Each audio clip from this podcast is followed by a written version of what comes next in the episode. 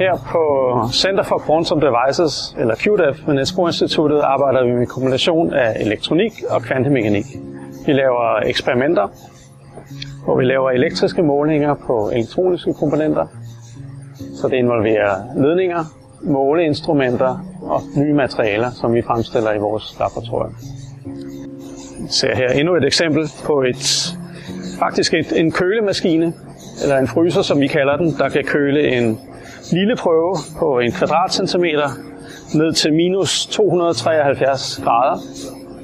Øh, det er så tæt, som man på nogen måde kan komme på det absolute nulpunkt. Ved de temperaturer, der optræder kvantemekanikken eller den særlige fysik, der gælder på lille skala, meget tydeligt, og det gør, at vores eksperimenter kan give klar svar på, hvordan elektronik opfører sig, når den bliver kvantemekanisk. Ved de lave temperaturer, der øh, er alle materialer, atomer, molekyler i fuldstændig ro. Det vil sige, de forstyrrelser, man ellers har ved stuetemperatur og ved trafik og lys og så videre, er helt øh, udraderet. Så alt er i deres øh, laveste tilstand, falder fuldstændig til ro, og så kan vi måle de effekter, vi er ude efter tydeligt. Hvis man varer tingene op, så bliver det helt forstyrret, og så er det uklart, hvad der foregår. Ved det eksperiment, vi er kommet til nu, måler vi på qubits, eller kvantebits, det vil sige de enkelte dele af en kommende kvantecomputer. Uh, vi kan se et billede af chip her. Uh, den består af fire kvantebits, som hver kan indeholde en enkelt elektron, der kan være i en særlig kvantemekanisk tilstand. Uh, så det er en meget simpel computer med, med fire bits øh, som man skal formå at styre i det her eksperiment. Selvom den er simpel og kun har fire enheder, så kræver det en del kontroludstyr og regulere, hvad der foregår og lave målingerne, og det kan vi se i selve eksperimentet her. Øh, der er et virvar ledninger, som bruges til at styre elektronikken, til at måle den og til at sende de signaler ned, der kan manipulere informationen i de her fire kvantebits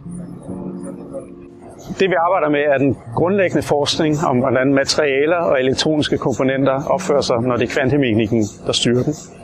Øh, det er noget med at forstå fænomenerne, hvordan elektroner kan vekselvirke. Det er ting, der for eksempel har indflydelse på superledning, som er et helt fantastisk fænomen i materialer, hvor modstand forsvinder ved lave temperaturer. Øh, og det er også de effekter, der kan bruges for eksempel i en kvantetransistor i en kvantecomputer. Øh, Opstillingen her er et eksempel på, et eksperiment, hvor en kvantetransistor sidder i den her fryser, køleapparatet. Den sidder inde i vakuumbeholderen, vi kan ikke se den nu. Øh, men den har forbindelse til omverdenen via en hel stribe ledninger, som også afslører, at det er elektriske målinger, det handler om. Alt det her elektriske ledninger, det som man kender fra antennekabler eller til højtalere, som føres ind i elektroniske måleinstrumenter, der tager data, som vi kan styre fra computerne på den anden side af eksperimentet. At opnå de her lave temperaturer kræver selvfølgelig også noget viden om fysikken og, og særlige instrumenter, og det hele styres fra det øh, instrument, vi ser her, som viser et diagram over, hvordan fryseren eller køleskabet fungerer. Så det er mere kompliceret end det køleskab, vi kender hjemmefra. Men i princippet er det en gas og væske, der flyder rundt i et bestemt kredsløb, man kan styre ved hjælp af en stribe ventiler. Det kølemiddel, vi bruger, er helium. Et meget øh, let grundstof, øh, som kan køle ting ned til meget lave temperaturer. Man kan aflæse forskellige tryk, man kan styre det med en computer, og man kan faktisk aflæse temperaturen hernede. På den nederste skærm, hvor det lige nu siger 8, lille m store k, det betyder 8 millikelvin, eller 8 tusindedel af en grad fra det absolutte nulpunkt. Og det er cirka den laveste temperatur, vi kan opnå her i laboratoriet.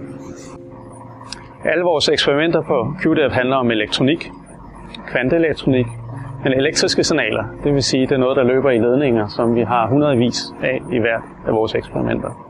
Vores samfund er også baseret på ledninger. Information, der flyder som elektroner i, i kabler, eller radiobølger, eller i nogle tilfælde lys. Men ledninger er vigtige. Øh, alle ledninger har den egenskab, at de kan lede en strøm, men som regel gør de det også med en modstand, så der er et energitab forbundet med at lede signaler igennem ledninger.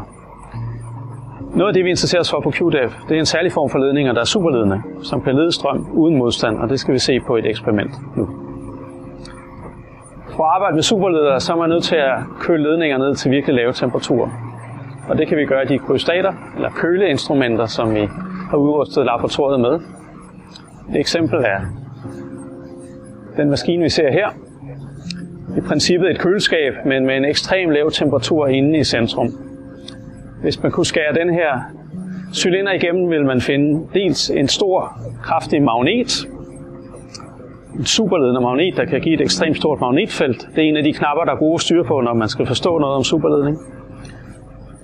Desuden så sidder der en prøve, en lille nanoledning, ved en ekstrem lav temperatur inde i kernen af det her instrument.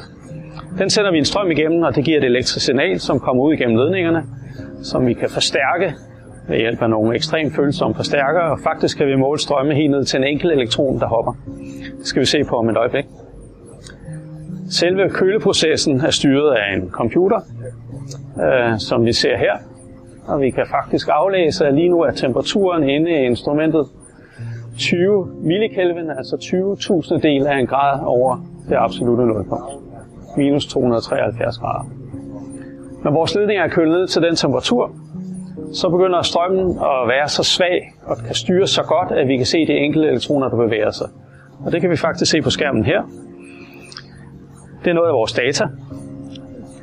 Plottet med fine farver, men det man ser er strømmen, der løber igennem en nanoledning, når vi regulerer på forskellige spændinger og magnetfelt.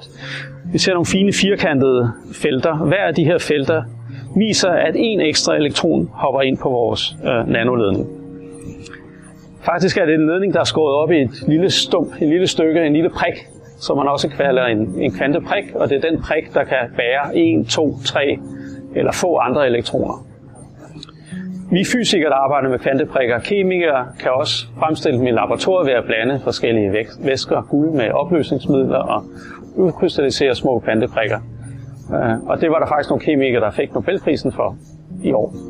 Men det vi interesserer os for, det er altså superledning. Håbet er, at med den forskning, vi laver, kan vi lære at styre det, måske finde nye materialer, og især nogle, der kunne være superledende, uden at de skal køles ned til minus 200 grader, men faktisk kunne være det ved, ved stuetemperatur. Og det kunne revolutionere vores samfund, fjerne alt energitab i transmission af energi og signal.